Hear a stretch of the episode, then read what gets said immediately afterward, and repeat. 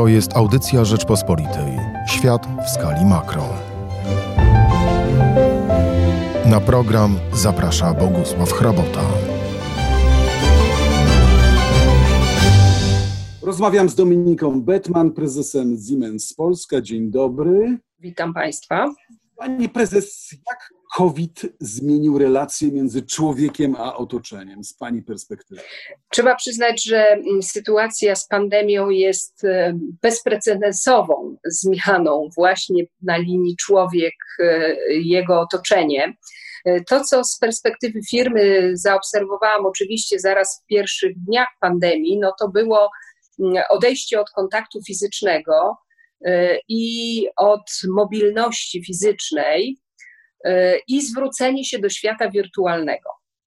I to trzeba przyznać, dotyczy zarówno działalności firmy takiej biurowej, czyli pracy biurowej, ale co bardzo zaskakujące, wszystko co bezkontaktowe stało się także niezwykle przydatne w pracach fizycznych, na sajtach, na projektach. Tam, gdzie do tej pory ten e, kontakt człowieka z maszyną, z miejscem, z urządzeniem, z drugim człowiekiem wydawał się absolutnie nieodzowny, nagle dostałam od e, naszych klientów mnóstwo zapytań na ten temat, czy możemy to wszystko robić zdalnie. A więc można powiedzieć, że nastąpiło pewne odwrócenie paradygmatu. E, ten świat cyfrowy przecież istniał już wcześniej, istniał przed pandemią. Nie trzeba było tego czarnego łabędzia, żeby działać w ten sposób, ponieważ jak się potem okazało, wszystkie narzędzia e, były dostępne już dużo wcześniej. Siemens przestawił pracowników pracy biurowej, około 200, 200 tysięcy osób, w ciągu dwóch tygodni całkowicie na tęże pracę zdalną. A więc to pokazuje, że efektywność tych narzędzi, że ich dostępność, że ich przydatność do wykonywania, e, zwłaszcza tej pracy umysłowej i biurowej, E, była bardzo wysoka już przed pandemią. I nagle nastąpiła ta zmiana i nagle człowiek już nie musi być fizycznie tak blisko człowieka, a firma nadal funkcjonuje, a e, pewne procesy i to te zewnętrzne, czyli sprzedażowe, realizacyjne w projektach, instalacyjne, one nadal się dzieją, e, a dzieją się także te interakcje takie czysto formalne, czyli takie, które bardziej opatrzone są na realizację pewnych procesów wewnętrznych w firmach nie tylko futurolodzy zastanawiają się nad trwałością tej zmiany. Gdyby rzeczywiście COVID miał zmienić świat na stałe, to jak to wpłynie na technologię, Pani zdaniem? Przede wszystkim następuje bardzo szybki rozwój tych technologii, których zaczęliśmy gwałtownie używać, a więc przede wszystkim komunikatorów internetowych, ale także w tych technologiach bardziej zaawansowanych, dotyczy ogromnego rozwoju e, chmury obliczeniowej, e, bliźniaka cyfrowego, zdalnej obsługi maszyn, urządzeń, całych procesów.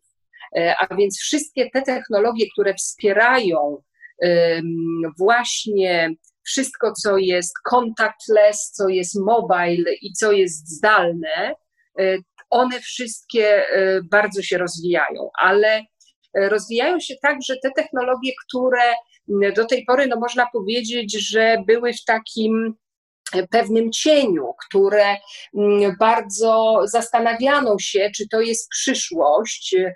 Na przykład samochody elektryczne, czy też samochody autonomiczne, bo zaczynamy zahaczać o pewne mm, modele społeczne, a nie tylko technologiczne. Czyli w dobie koronawirusa wchodzimy na taki poziom dyskusji, który już nie jest tylko poziomem dyskusji czysto o y, efektywności i o wykonalności i cyklu życia danej technologii, ale mówimy także o tym, jak to pasuje do tego nowego modelu społecznego. Y, wszystko, co współdzielone na przykład, wydawało się przed pandemią że, że ma przed sobą ogromną przyszłość, a nagle współdzielone oznacza dotykane przez wiele osób.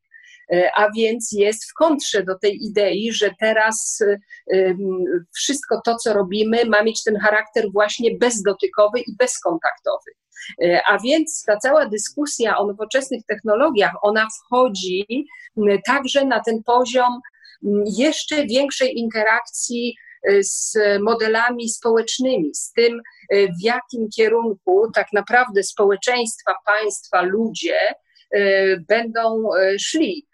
Przykładem może być chociażby turystyka. Przecież gdy dzisiaj zada Pan komuś pytanie, czy wyobraża sobie, że w swoim życiu już nigdy nie odwiedzi żadnego obcego kraju, to, to pytanie wydaje się wręcz absurdalne. Ono, ono po prostu budzi ogromne emocje, a odpowiedzią może być turystyka wirtualna. Pytanie naturalne nie jest takie, czy ona się sprawdzi, czy ona jest w stanie tak naprawdę zaspokoić te wszystkie potrzeby ludzkie, które zaspokajał e, do tej pory ten kontakt fizyczny i delektowanie się życiem i światem poprzez podróżowanie. To ciekawe, dotknęła Pani tematu ekonomii współdzielenia. To do niedawna był bardzo modny kierunek w ekonomii. COVID go troszeczkę podważył, jeśli nie obnażył jego założenia. Ale ja chciałem zapytać o co innego jednak. E, jest taki dylemat e, w świecie cyfrowym aplikacje czy interfejs? Co pani sądzi, czy w dzisiejszych czasach COVID mm, e, poprze rozwój w stronę aplikacji nowych, czy raczej w stronę interfejsu? Widać wyraźnie tendencję na rzecz interfejsów, że jednak e, ta e, chęć człowieka do tego, żeby jednak ta współpraca z tym urządzeniem żeby to urządzenie było jednak takie humanoidalne. I te nasze ciągłe wyobrażenia, które myślę, że czerpiemy e, z takich wizji przyszłości, które pochodzą z lat 50. czy z lat 60., czyli jednak, że, e, że ta maszyna, że to urządzenie, że ta sztuczna inteligencja ma te cechy humanoidalne, to ja myślę, że to właśnie bardzo mocno przemawia za interfejsami że taki jest też kierunek rozwoju sztucznej inteligencji. O tym się bardzo mocno wypowiadają eksperci. I ta taka chęć posiadania e, tego własnego konsjerża, czy kamerdynera, czy kogoś tego, tego usługodawcy, którego my jednak jako ludzie bardzo chcemy widzieć e, takiego spersonifikowanego, E, to to sprawia, że mm, ten kierunek interfejs będzie tutaj przemawiał. No i oczywiście mm, od, od tych obecnych rozwiązań na rynku, od takiej Alexy czy Google Home, no to nam jeszcze daleko do takiego całkowicie własnego, spersonizowanego urządzenia, które by odpowiadało na wszystkie e, nasze potrzeby, e, ale myślę, że jesteśmy na tej drodze Y, I oczywiście y, rozwój aplikacji, on na pewno będzie też następował. To nie jest tak, że tu nastąpi jakieś całkowite odejście y, od tego świata aplikacyjnego. Trzeba pamiętać, że w niektórych obszarach, jak na przykład w przypadku platform przemysłowego internetu rzeczy, te aplikacje absolutnie są przydatne, ale one są stosowane do nieco innych zadań niż interfejsy. E, także więc ja myślę, że w, że w profesjonalnym obrocie, jeśli można to tak nazwać, jest miejsce i dla aplikacji, i dla interfejsów, ale człowiek, myślę, e, będzie bardzo mocno skłaniał się jednak w stronę interfejsów. Czy COVID wpływa na bieg procesów globalizacyjnych? Spójrzmy na przykład na kwestię dylematu łańcucha dostaw w Pani firmie. Czy to się zmienia? To się można powiedzieć już zmieniło i to z dnia na dzień. Siemens e, w chwili COVID-a miał w Chinach ulokowanych ponad 40 fabryk, absolutnie kluczowych dla łańcuchów dostaw poszczególnych linii biznesowych. E, I tak naprawdę to, co nas zajmowało przez pierwsze dni, to była walka o to, aby te łańcuchy dostaw nie były zerwane. To taki pierwszy odruch, próba zachowania, funkcjonowania tego starego systemu, a kolejny krok to było oczywiście poszukiwanie alternatywnych rozwiązań. I na tej drodze do poszukiwania tych rozwiązań w pierwszej kolejności pojawia się myślenie o tym, że e, no, należy szukać tych rynków bliżej, fizycznie bliżej tego centrum. Tak? W przypadku e, firmy, która jest, ma korzenie niemieckie, jest globalna, ale ma korzenie niemieckie, mowa tutaj oczywiście o Europie e, i o tym, że mm, to właśnie tu e, upatrujemy jako wielka firma technologiczna szansy na dalszy rozwój produkcji właśnie w tych krajach europejskich, bo poszukujemy tutaj takich możliwości e, przede wszystkim dla e, wypełnienia tego łańcucha dostaw, ale także i dla całkowitego zastąpienia tych łańcuchów, które e, mają miejsce w Azji, a przede wszystkim w Chinach, właśnie tutaj krajami Europy Środkowej. Pojawiły się też, i to tak można powiedzieć, że ta tendencja wewnątrz mojej firmy, ona się zbiegła z tym,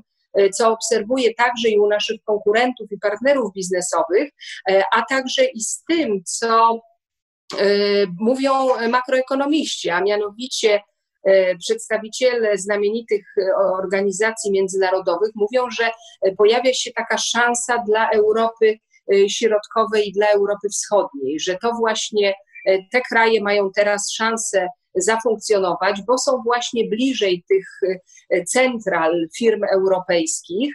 E, no i ta dostępność fizyczna w sytuacji kryzysu, ona, e, ona może być bardzo istotna.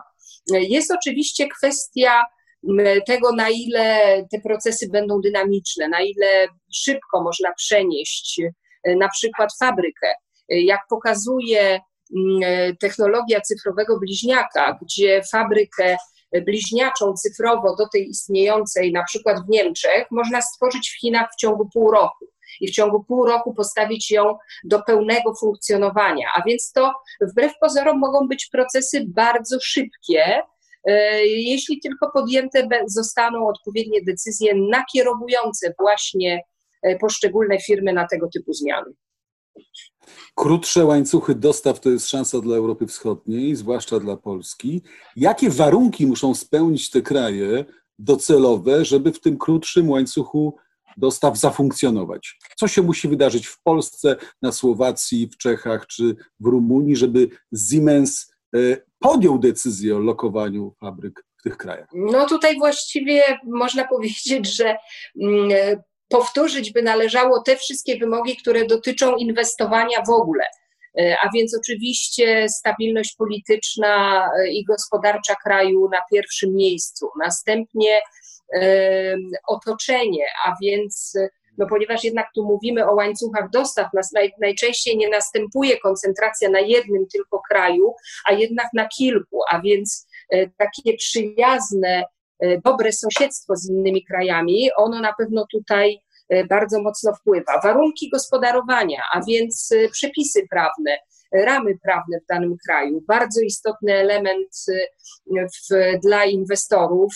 Ja wielokrotnie przechodziłam wewnątrz Siemensa takie takie prezentacje, gdzie ja pokazywałam Polskę właśnie jako kraj dla wybranej funkcji, na przykład dla Centrum Usług Wspólnych albo właśnie dla produkcji. E, no i tam pojawiały się właśnie te wszystkie pytania o warunki gospodarowania, o złożoność e, przepisów prawnych, podatkowych to wszystko wpływa.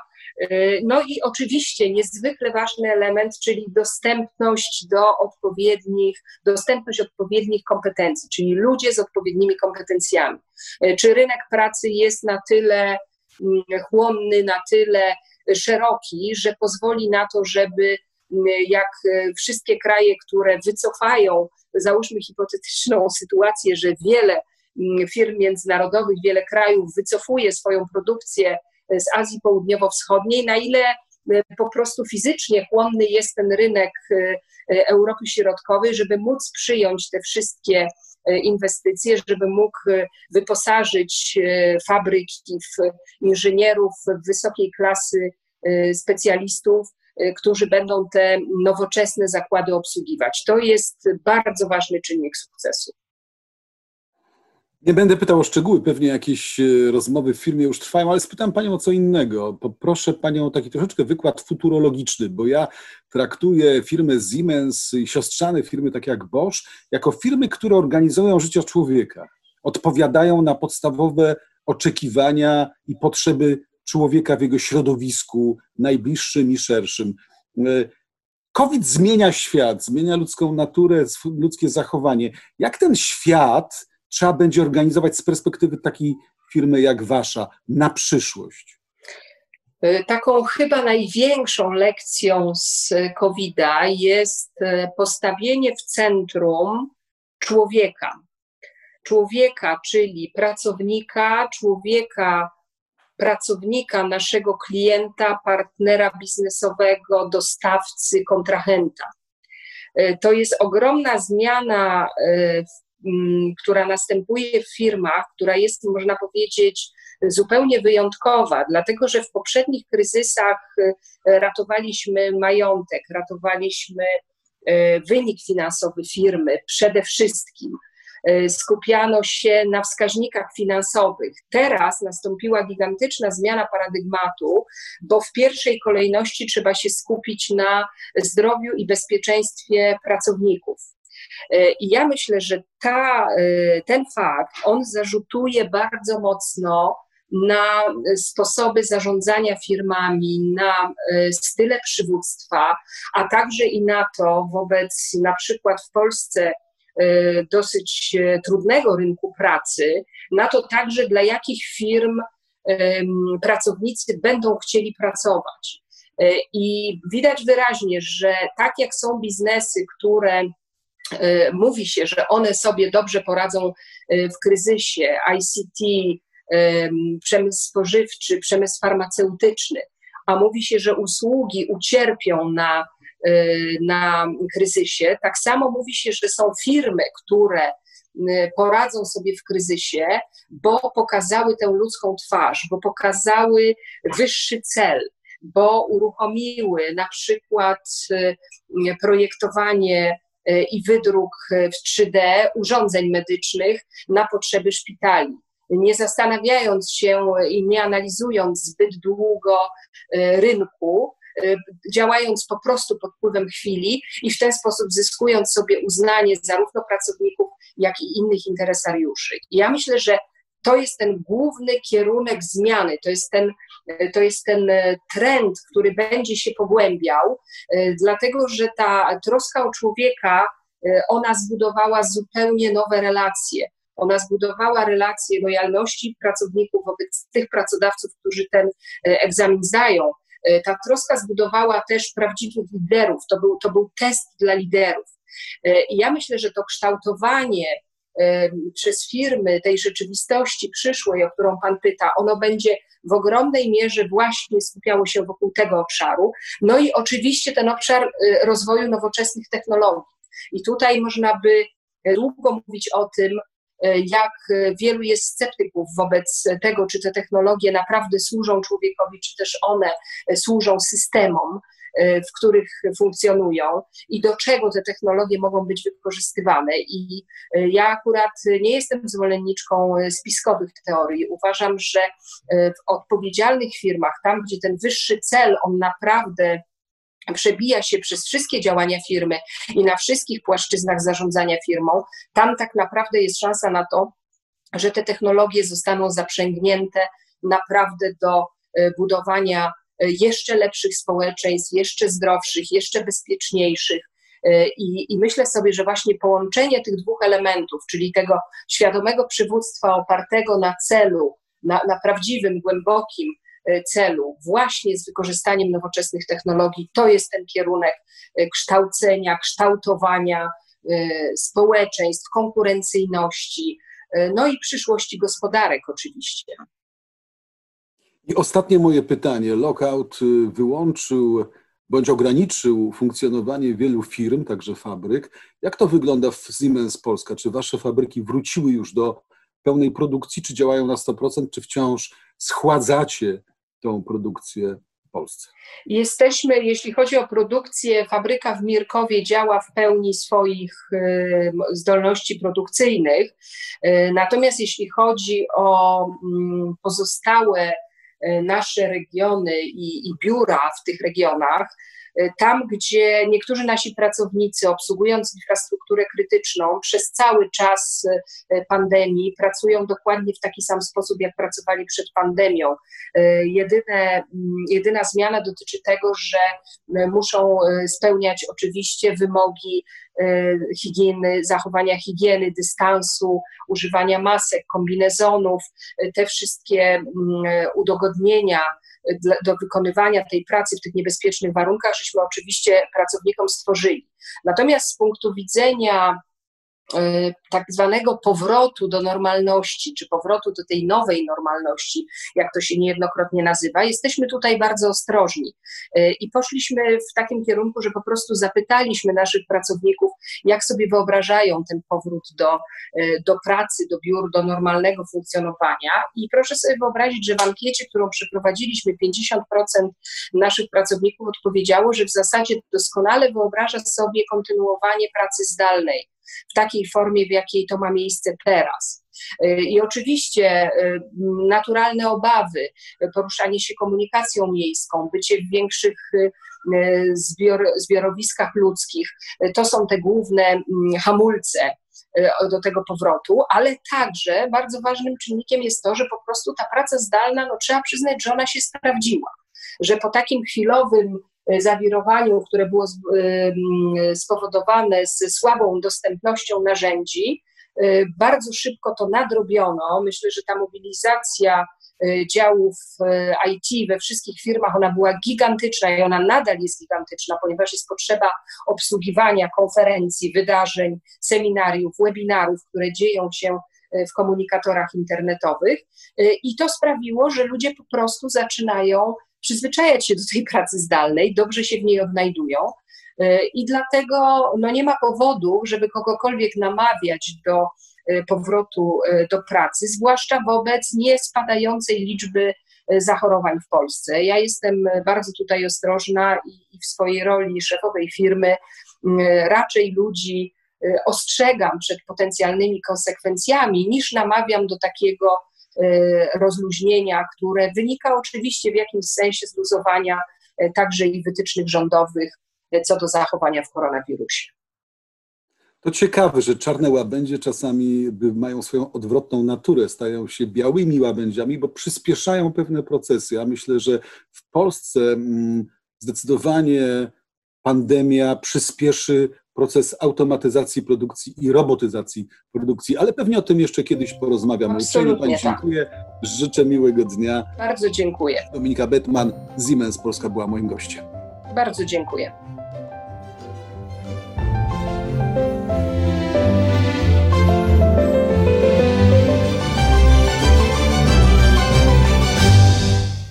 To była audycja Rzeczpospolitej. Świat w skali makro.